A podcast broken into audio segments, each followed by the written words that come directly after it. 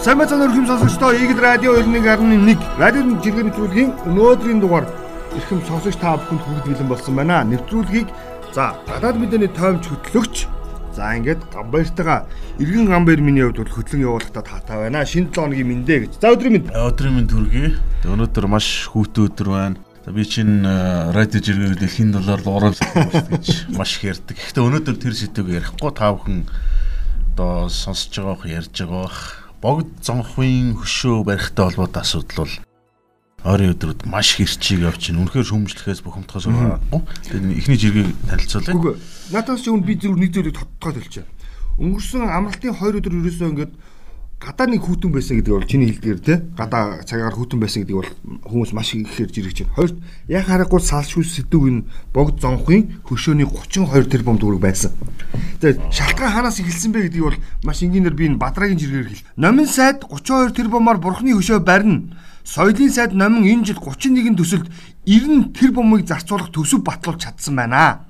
Чингэлтэй дүүргийн 5 дугаар хороо тасганы яваан дээр шашны соёлыг дэлгэрүүлэх богд занхаа бурхны хөшөө бүхий төвийг 32 тэрбум 490 сая 800 мянган төгрөгөөр барина гэж жагсаалтын оруулсан. Том мөнгө те? Энэ том мөнгө. А энэ мөнгийг юунд зарцуулж болох вэ гэдэг чинь өөрөө асуудал.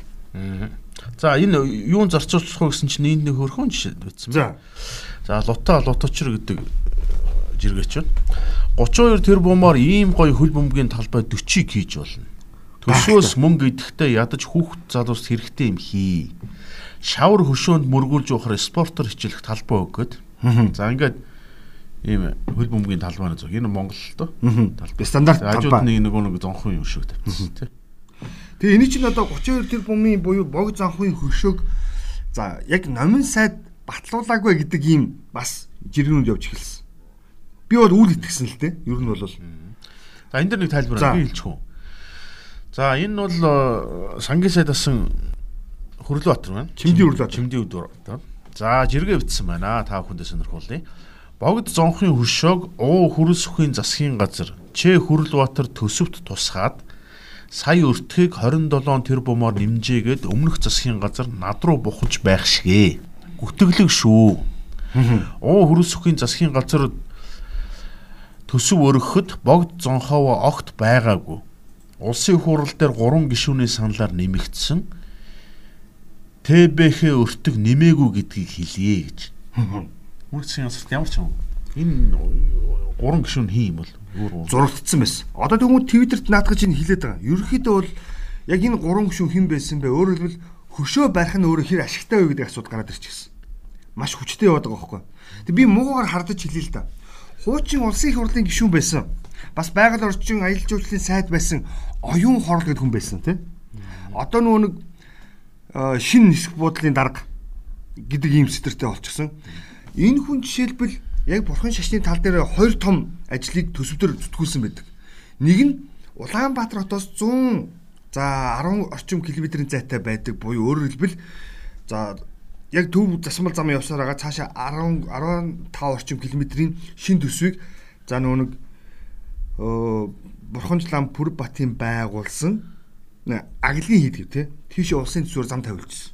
За бурхан шишинтэй холбоотой нэг мөн үү? Аялал жуулчлалын сайд байхдаа нэг хийжсэн. Зам тавилсан. Зам тавилсан. Бүр. Хар зам байг юм уу? Төсвийн мөнгөөр засмал зам тавилсан. Энийг жишээлбэл байгаль орчин аялал жуулчлалын сайд оюун орлого гэдэг хүн зүтгүүлж ягаад за аглаг бүтээлийн хийд буюу Пүрвч лам Бурхан бат гэж хошигндог буюу Бурханч лам Пүрв батын за энэ хийд рүү хувийн хийд рүү энэ замыг тавиулжсэн. Дараа нь энэ их хурлын гишүүн их хурлын гишүүн байхдаа бүх нийтээрээ амрах амралтын өдрүүдэд мөн үү? Бурхан багшийн дүүцсэн өдрөөр бүх нийтээрээ амрая гэдгийг хуульчилж оруулж өгсөн. Тэгэхээр бурхан шашны тал дээр хамгийн том нөлөө буюу өөрийнх нь нэрийн өмнөөс одоо ингэж араас гişүүдийг дагуулж явуулж батлуулдаг хүн энэ байж тарах нэ. Тэгэхээр 2020 оны төсөв тодруулж хэлэх юм бол энэ өмнө зурагдсан байсан зургийг нөхдүүд хийчихэд яваад өгсөн юм байна л гэж хэлэх гээд. Нэгсэндээ одоогийн ерөнхийлөгч буюу өмнөх засгийн газрын тэргүүн байсан хүрэлцэх болон чимдийн хүрэл батарнаас хамаагүй болох нь мөн үү? Хоёр одоо нөгөө соёлын сайд хийгээд байгаа номин өөрөө бас зүтгүүлээд байгаа асуудал бас биш болох нь. За хинж бай зүтгүүлсэн бай зүтгүүлээгүй бай ам бүхтэй буюу 16-аас 20 он хүртэлх парла ажилласан парламентын баталсан төсвтөр явж исэн төсөл одоогийн буюу дараагийн парламентаар ороод ирж байна гэдэг нь маш том лобби бүлэгтэй байгааз гэж харах гэдэг. Хоёр гэвэл нэг сонирхолтой юм. Монгол улс өнгөрсөн 2002 оноос хойш гэж ярьдсан билээ. Ерөнхийдөө 210 орчим хөгжлийн хөтөлбөр баталсан. Хөгжлийн хөтөлбөр шүү. Энэ тусаа шүү дээ. А гэхдээ энэ хөгжлийн хөтөлбөрийг нэг ч хэрэгжээгүй. Харин цаас авахгүй. А бид нар энэ хөгжлийн хөтөлбөрийг амбицгүй хийгээд идэг. А гэтэл хөшөөг болохоор амбицтай. 2 3 парламент замуугаар хэлээ 3 засгийн газар 2 парламент дамжуулан төсөв нь байж идэг юм амбицтай хөшөөний төсөв баталж байна гэдэг бас нэг бодож хоёрыг тунгаахаар байгааз. За энд илэрэгч очтой уянгийн жиргэв нь Ихэмчин цалин Монголд 280 доллар. Энд миний гуанзны хагас өдрөөр ажилтдаг үйлчлэгчийн цалин 350 доллароо. Аргагүй штэ Монгол ус мөнгөгүй ядуу ус. Гэхдээ 32 тэрбум буюу 1 сая гаруй доллар хөшөө барьна яадаг юм. Үгүй одоо энэ л гайхаад. Одоо араас нь гэж аа. За янжууртай их гэдэг хаягдаж ирж байгаа. Богд зонхвагийн хөшөө барихыг эсэргүүцэж байна. Улс орон хэцүү байхад ятаж баян намсраа бурхны хөшөө барих ухаан алгуу сайднараа гэсэн. Зүг бөгөөс гаргалгаа үсттэй. Хэрвээ яг үнээр хөшөө барих гэдэг юм бол тий. Заавал богд занхаа буюу бусдын сой сойхны тулд ариусан үг яхих оронд тий. Нөгөө нэг баяжуулдаг. Үгүй ядаж нөгөө нэг одоо манай дарга нарын шүтдэг шүгдэн тий. Тэрний хөшөөгөө бариач. Гэхдээ энэ дээр бас нэг тайлбар байлаа. За биелж. Юу гэхээр одоо энэ тэрэн зорж хөшөө барьна гэдгийг одоо тэр богдсон ховаа тийм үү мэдгүй шашин шүтлэг рүүгөө ингээд дайрмааргүй тийм уг нь уг нь шашин шүтлэг бол хүний итгэл үнэмшил одоо би ч гэсэн одоо өөрийгөө ахтар шүтлэхгүй ч гэсэн одоо яг асуудал үүсвэл зүгээр зүгээр ингээд одоо яг хэлэхэд бол тийм үү талигарч оршуулах за энэ сайн сайхны төлөг бол энэ үндэсний баяр өдрийг л буддын шашнаал яхаа ламрыг л өрнө шүү. Багдаг шүү. А тэр нэг ёс заншлыг л үлдэн шүү дээ. Тэр бол хүний ихтгэл өмчлөхгүй. Тэгэхээр монголчуудын дийлэх энэ буддын шашинтай. А гэхдээ ингээд хөшөө дурсгал бариулна гэд тэр яг ач холбогдол ямар ач холбогдолтой юм. Тэг би надад чинь одоо энэ саруулхны жишээр хэлээ л да. Саруулхан жиргсэн маа. Соёлын яам шашны агуулгатай хөшөө босгох нь өөрөө зөв. Тэг малгайн соёлын яам байгаа даахгүй наа чи гол нь. Тэгэхээр бид магадгүй одоо чи бас түрүүний жиргээ бас гаргаад байсан. Инх бол цайд жишээлбэл энэ асуудлыг онцолцсон байсан шүү дээ. Цаг хугацааны хувьд хөшөө барих нь бол зөв асуудал. Яг одоо яг чиний хэлдгээр тийм үү? Өөрөөр хэлбэл бид нийт ард түмнийхээ сэтгэл санааг өргөхтэй. За ингээд тодорхой хэмжээнд гэдэг хөрөнгө оруулалтыг бол энэ хөшөө дурсалд оруулах нь зүүн хэрэгээ. Гэхдээ цаг хугацааны хувьд буюу ковидын гэж хэлэгдээд байгаа эдийн засгийн хямралтай байгаа гэж хэлэгдээд байгаа ийм нөхцөлд өөрөө хөшөө байх нь хэр оновчтой шийдэл байсан бэ гэдгийг гайхаад. Мөн үү? Уг арга ядгад хөшөө барьж олон ядаж л богд зонхоо биш баян намсрагийн хөшөө барьчвал арай ондоо юм шиг гэж хэлдэг. Энд одоо хин цогтоотор ахын цогтоотор ахын зураг явуулсан. Тий. Зураг нь. За богд зонховагийн хөргийг зураад За тэгээд надад хөшөө босгох яах вэ? Наа дуус орно өөдөн татаж ард түмнийхээ амьдрал ахыг бодооч ээ гэсэн байна. Гэнди богд зонхоо амьд байсан бол ингэж хэлэх байсан. Үгүй яалч яахгүй. Тэгээд А тэгээд дээр нь чөлөөт хүн за уучлаарай. Чөлөөт хүн ганц зэрэгөө залуу утсан байна. Татвар төлөхөө болиё гэж бойкот хиймээр байна. Хямрал дээрээс нь бөөн төлөх ёстой өр байхад хоёр их наядын алдагдaltaй төсөв ботолж ирээдүйн өв сангаараа суманд соёлын төв айрагны өргөө хөшөө барих ч гэжтэй гэж. Одоо энэ удаагийн төсвийн буюу эх орны төсвийг сая бол батлаа гаргаж гисэн. Одоо бид нар араас нь 1000 орлоод нэмэргүй. Гэхдээ хамгийн алдагдaltaй гурван төсөв бол энэ байгаа байхгүй. Нэг нь хөшөө байна. 32 тэрбум. Нөгөөх нь Булган аймагт тэр айрагны өргөө гэдэг зүйлийг батлуулсан шүү дээ. Хамгийн аимшигтай. Мм батлуулсан. Гэхдээ хамгийн ичмэр нь тэр байгаа байхгүй. Тэгээд хаана яадаг за тэгсэн чинь энэ дэр нэг юм жиргээ ороод ирсэн. Монголд ер нь хэдэн хөшөө байд юм бэ гэж. Монголд морины хөшөө 1032 ширхэг. Бүхийн хөшөө 538. Төр нийгмийн нэрт зүтгэлтэнгүүдийн хөшөө 341. Хон ямааны хөшөө 1652. Аргал янгирийн хөшөө 123, Үхэр тэмээний хөшөө 756, Чингис хааны хөшөө 27, Өөлөн ихийн хөшөө 11, Нохооны хөшөө 231, Эвтэй дөрвөн амтны хөшөө 26, Тарвны хөшөө 25. Энэ тоо дотор эргэлдээд үзээ л та бүгдөө. Тэгэхээр бид нар юу шүтж ийнэ буюу юуг дээдлж ийнэ гэхээр бид нар адгуус амтныг илүүдээ хүнээсээ илүү өндөрт авд юм байна. Хувь хүний буюу өөрөөр хэлбэл нөгөө нэг эгоист бодлоо тэрүүн зэрэгт барьд юм байна гэдэг эндээс гараад ирж. Яг тэр морийг бүхийг а төр нийгмийн нэр зүтгэлтэн хон яма за ингээд үхэр тимээ юу гэдэг нохоо гэдэг ийм хөшөөнүүд бол дандаа 100 гарцсан тогтоогод. Тэгсэн чинь 100-аас дотгошоо буюу тэр дотроо 50-аас доошоо тоотой хөшөөнүүд нь юу гэж Чингис хааны хөшөө, өөлөг хөшөө, юу эвтэ дөрвөн амтны хөшөө, тарганы хөшөө. Тэгээ энэ дөрв болохоор ямар учиртай вэ гэхээр би нэг сони юм унсс доороос. Энэ дөрв болохоор өнгөрсөн үед буюу бидний ашиг олоод дуусчихсан үзмрүүд гэж байна. Уг нь эсрэгээр байгаа хгүй те. Ирээдүйд бид нар нүг үүх түүхээрээ уул нь тодорхой хэмжээний аялал жуулчлал хиймээр байгаад байдаг тийм ээ. Яг ийм үед бол ашиг олох боломжтой хөшөөнүүд нь цөөхөн. Гэтэл улсын алдарт гэсэн уяач болгон өөрсдийнхөө унган адууны хөшөөг барьж гинэ гэдэг чинь эндээс харагдчих. Мөн үү? Тэгээ хувь хүний нүг ИГС бол энэ дэр яваад шүү дээ. Хоёрт нь бүхий хөшөө 538 өндөр тоо. Бид нар алдартангуудаа гоё оюуны бүтээл болгоод ном судартай мөнхөлж болно. Гэхдээ хөшөө болгох явдал хэрэгс идэрчжээ. За араас нь хон яманы хөшөө яагаад 1652 байд юм бэ гэдгийг гайхаад. Яасан бэ гэсэн чинь хон яманы хөшөө яагаад ийм өндөр байна гэсэн чинь тухайн аймаг орон нутаг за ингээд нүг тим үржлийн ямаа, тим үржлийн хонь гэдэг нэг оруулж ирд юм байна л да. Тэгээ тэр нутагтаа нэг орой за нэг 10-аас 15 жил нутагчаад эдийн засгийн үр гүйж өгдөг юм байна. Тэр энэ одоо юу гэдэг Мерносын чиглэлийн хонноос болоод за энэ нөгөө нэг ноолрын чиглэлийн улаан ямаанаас болоод бид нар ийм хэмжээний ашиг олсон. Тийм учраас энэ ямаага шүтье гэдэг авч хөшөө өрчдөг. Өө тэгэхэд энд нэг зүйл хэрэгтэй байхгүй. За хөшөө болгоо шүү дээ. Хүн өөртөө зориулдаг хөшөөч бас ирэх болно. Гол нь энэ баригдсан юм чинь дандаа төсвийн зардлаар. Yep. Одоо ярьж байгаа бит хоёр яг сонсоо сууж байгаа, явж байгаа, машина барьж байгаа та иргэн та бүхний маань төлсөн баг хэмжээний татварчин хоримтлогцоор гад ийм юм болоод байна. За энд хөшөөтэй холбоотой бэлгүн гамп жиргсэн байна. Банхрын хөшөөг дүүргийн хурлаар ороод нийслэлээр ороод 250 саяар барьж байжээ. Тий. Бацар гişүүн шүү дээ. Энэ хүн 16 онд ингэж яриад гişүүн болоод сайд болоод жидүү тарааж баларсан. Одоо их хурлаар 32 тэрбумыг баталдаг болчихжээ. 5 жилийн дараа шүү дээ гэж аимшигтай байгаа. Банхрын өшөөг тав хүн мэднэ. Нийслэлийн баян зүрт өрхт байдаг. Тийм ботон эк рүү иргэдэг.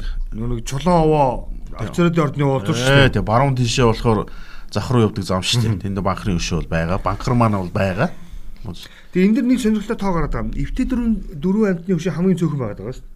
А гэтэл бид нар эвлэлтэнд нэгдэх гэдэг агуулга нь айгүй багассан байна гэдэг эндээс гарч ирэх гэдэг. Тэр миний яриан дээр ерөөсөө энэ би уг нь хэлэх гэсэн. Игээс үзлийг бид нар ИКС үзэл гэдэг манай сонсогч маш сайн мэднэ те. Хувь хүнийг дахин шүтсэн, хуваа бодсон те. Ийм үзлүүд. Нэгэн цагт орно нэг Ленин өшөө олон байж гэдэгтэй адилхан баг. Тэгсэн чинь одоо энэ хил амны бай болчиход байгаа. За соёлын сайдын гэр бүлийн хүн Батгаж иргсэн ба. Төгжрөл бууруулах богино хугацааны ганцхан шийдлийг нэрлээч гэж иргэжээ.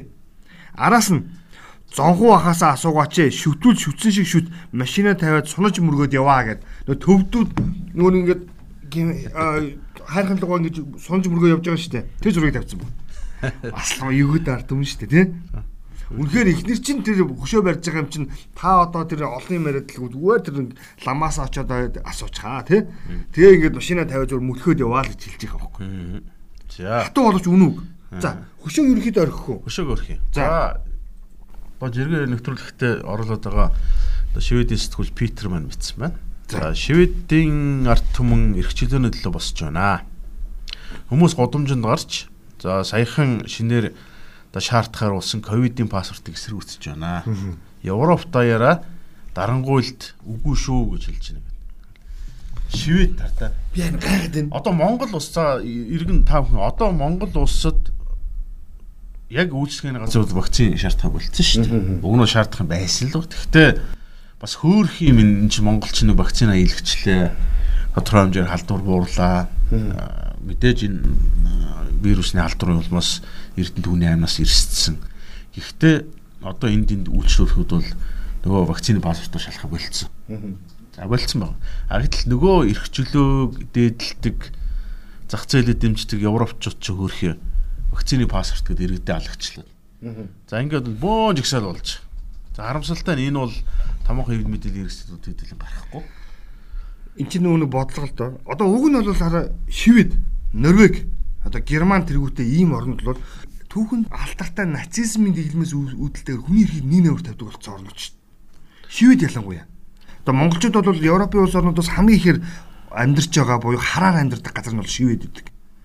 Яг тэр Швед өөрөө хүний эрхийг маш сайн дээдэлдэг. Нийгмийн халамжаараа Норвегтэйгээ адилхан тэргүүлдэг тийм. За ингээд энэ очисон хүн ямарваа нэгэн байдлаар за эрүүл мэндийн шалтгаантаа хийгээд нялхнараа өгтөө бол ямар нэгэн ажил хөдөлмөр эрхлэлгүйгээр 23 жил чөлөөтэй амьдрах боломжийг олгодог. Ийм ор. Санж байгаа бол за нөө Сирийн дөрвөгчд анх одоо Европ руу нөтөрсөн шүү дээ. Энэ үчин шивэд бүр гайхчихсан.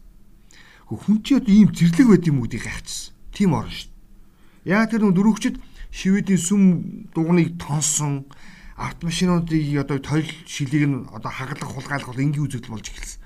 Чи шивэдэд асуудал юу үүссэн бэхэр ийм балмад буюу өөрөөр хэлэх юм бол хүний эрхийг дээдлээд тайван энгийн байхад шууд нүг хүний эрхэнд халдсан үйлдэл гараад ирэхээр хууль эрх зүйн шийдэх нүг заалт байдаггүй. Тэгээ хуулинд өөрчлөлт оруулах гэдэг асуудал гарч ирсэн. Тийм орон өнөөдөр ковидын вакцинтай холбоотойгоор ард түмэн нь асуудал тавьж байна гэдэг нь бас гайхаад. Гэхдээ би яг үндсэн шивэдүүд бол ч ихсад хийгээгүй л гэж бодож байгаа. 5-аас одоо юу гэдэг 8 жилийн өмнө очисон дөрвөгчд одоо даварцсан байхгүй. Өө би дэлгүүрээр ормоор штэ гэд. Яа тэр нүг вакцин хийхээр өөрийнх нь нөгөө нэг ID бүртгэгч гэдэг байгаа байхгүй. Тэгээ нөхдүүд нөгөө нууцаар явж байгаа учраас бас ийм шалтгаан байж болох юм. Би бол тэгж хардаж байна.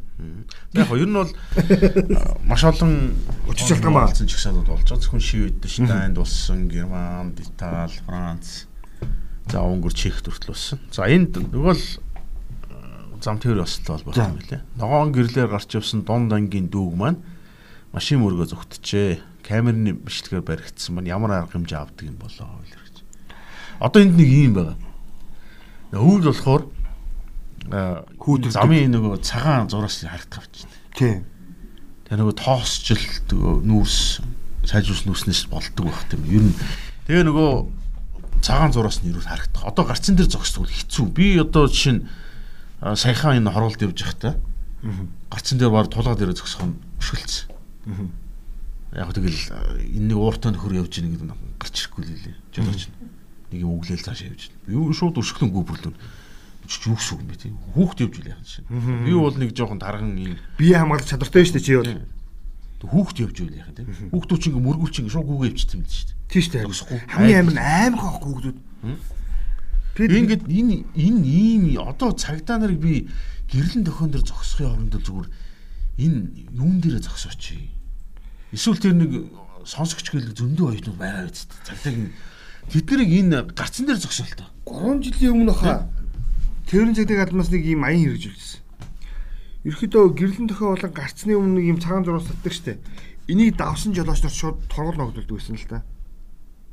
Тэгэхээр бид нар магадгүй энэ аянийг сэргийж болох юм яг чиний хэлж байгаа санааг.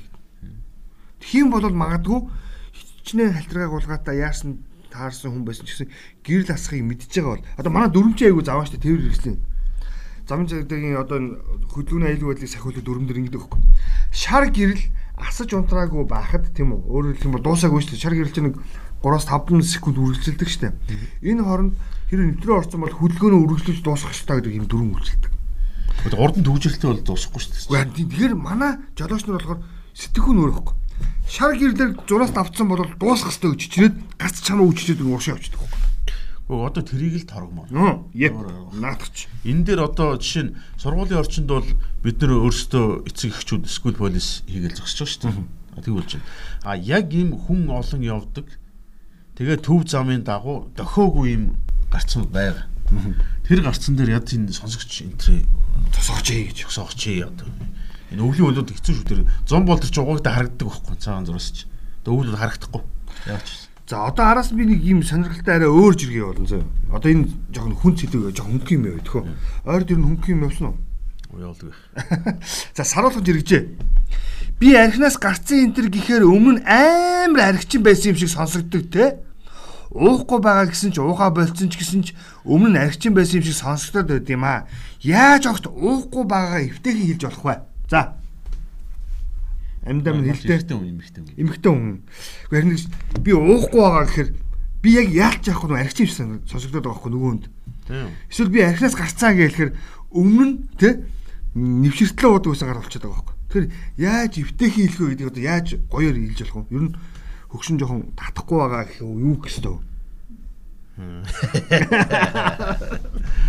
Үгүй яг энийг манай сонсогчдод бас бодоорой. Би бас ийм юм байгаа. за Одоо би бол эрчүүдийн эрүүл мэнд эмхтэй шинд бол ярьж чадахгүй л тий. за Эрчүүдийн эрүүл мэндийн тухайд бол тийм үү. Жишээ нь ингээл хэтрүүлэхэд болчихлоо тэгэл л шүү. ер нь зөв. Наад чинь зөв. Бүр ингээд аргаа ятахаараа бүр тулахаараа зарим нь бол ингээд э, судасны хар нэмгэрээд бүр харвна. Зүрхэн нүхтэн одоод нь нойр болчихсон. Тэгтлээ явах ямар хэрэг байна. Жохон бие чагнадаг байгаа ч л. Зөв би энийг зүгээр ингэж Бие чагна гэдэг чинь гоё шүү дээ. би жиргээ чирж ирсэн миний цаад санаа бол энэ. Ирчүүдийг бас нэг жоохон тайван байлгаа ч хэлж хэлдэг. Гарах стрессээ гаргаж иг Наатаж их нэртэй хэлэх юм? Үгүй нэрээ. Хараа. Нэг пив уугаад, хоёр пив уугаад за ингээд тайвширдаг байхгүй. Хэлбэл эрэгтэй хүн тэдийн болгоно ингээл шон шон шон гэдэг Тэ? А хүүхнүүд бол ямар нэгэн байдлаар стрессээ гаргадаг. Хамгийн муухай хэлэх юм бол гэр бүлийн орчиндөө стрессээ гаргацдаг өглөөд. А үгүй байдаж найз нөхдөйгөө уцаар яриад ингээд ч юм уу те уулзаад нэг ер нь хүүхнүүд чинь Ингээ гарчдаг байхгүй. Найзуудтайгаа манай эхлэл найзуудтайгаа ингээ уулзаад явахаар их сайхан стресс. сайхан ааштай. Оо, А гэтэл ирчүүд чинь болохоор яадаг вөхөр хоёлоо уулзаа суулаа. Гэхдээ би нэг чамд нэг амьс гутлынхаа янз юм яриад амиргүй шүү дээ бас. Яг үндэ яг ийм учраас эрэгтэй хүн ийм юм хоримтлаад байдаг Би гинэ. наадахтай шалтгаалтай нэг юм. Байж л таа. Тэгээ хоримтлаад байдаг гинэ. Тэгээд нөхдүүд за за за гэдэг нэг өөрөө өөртөө ярьж пи уудаг. Яг дотор хүнтэйгээ ярьж пи уудаг. А ингээ харахад хүнтэй суугаад гэдэг пи уугаад. Анзаарсан бол ирчүүд энд тэнд ингээд уугаа суухаар ингээд хэсэг ингээл 15 секунд дугаачаал. Тэгээд 20 секунд яриад 15 секунд дугаагаад нэг ийм үйлдэл байдаг гинэ. Тэгээ энэ юутай холбоотой гэж чинь сэтгэл санааны байдалтай холбоотой. Тэг чи нэг сонирхолтой бас айгүй гоё түүх юм яриа заяа. Энэ гаридах гэдэг үг гэдэг ч те. Аа гари чи мари чи гэх те. Энэ тэгсэн чинь 1980-ад оны сүүлээс үүссэн үг юм байна. Тэг би яг оны үү? оныг нь бол мэдэхгүй. Яг худал ярьж магадгүй. Яасан бэ гэсэн хөлбөмбөгийн дэлхийн одод болсон Бразил гэж одоо одыг төрүүлдэг орн байна тий. Энэ Бразил тухайн үед Пеле гэж тамирчин байсан тий. Пеле. Дэлхийн хаан. Ээ. Хөлбөмбөгийн хаан одоо байгаа тий. Уучлаарай байгаа шүү дээ. Арис насаар модод имлэг. Өдний ханган ороо гарсан гэжсэн тий. Тэгс чи Пеле гэдэг нөхрий чинь хамтран зүтгэгч чинь Гари гэж нөхөр байсан юм. Үндсэн холбонд тоглолдог одоо гол оруулалтын бүх холбоос нь хийдэг. Тэр нөхөр Гаринч. Аа жи зүг хэлж байна. Гарин чи аахгүй. За тэр нөхөр өөр юм бурхан болжээ. А Гаринч эрт насаар. Харин энэ нас орсон юм байна. Тэгсэн чинь яг л нэг 40 мянгатынхан буюу өөрөөр хэлэх юм бол яг тухайн цаг үедээ буюу өөрөөр хэлбэл хагас зууны өмнөх хүмүүстэй яг нөгөө нэг хөл өмбөг шүтэн сонирхож ирсэн нөхдүүд маань яг шүтчихсэн нөгөө нэг гаринча бурхан болсон. Тэнгүүд нэг хэсэг нөгөө нэг хөл өмбөг сонирхтой нөхдүүд нийлээд копоч гисэн. Уусан байна. Би яг боддод үг ярьж байгаа 40 мянгатын бүгд ярьд. Тэгээд яас гэж гаринаас орчиж гэнэ. Гаринчанаас орчиж гэж эхлээ хэлж байна. Тэгээ нөгөө гашуудаа нөгөө фанатууд уу штэ. Тэгээ хүмүүс тэр болгоо мэддэггүй хин гари гари гари. Тэгсэр аа гари. Тэгээд яаж вэ? Чинь наа гэдэг 2 3 хоног уусан. Тэгээ тэр ярианаас үүдэлтэйгээр гари болсон. За би наадах шалгана. Шалгаар заа. Гари чи гари чин гэдэг үг ерөөсөө сүулт ингээд орчуулагдаад буюу амьдралын хэмжээд өөр орж орж ирсэн болохоос биш. Анх үүссэн шалтгаан нь Гаринчанаас орсон буюу өөрөөр бол хагас хамгаалагч тийм ээ. Бразилийн үндэсний шишээ багийн энэ нөхөр нас барснаас хойш тэрний одоо юу гэдэг Гаринчина гэдэг яриа За ингээд жиргэнийхээ төгсгөл би эрчүүдээ бүхэн л стресс гэснийг а, өмнө харж ирсэн нэг юм ба зурга ярьчи те. Тэрний юу гэхээр ингээд эртний хүмүүс бүр эртний хүмүүс шүү агууд амьдэрдэг байх бай. На галаа тойроод орой ингээд сууж ийн гинэ. А эрчүүд нь ингээд бодлогошроод ингээд дуугаар болсон.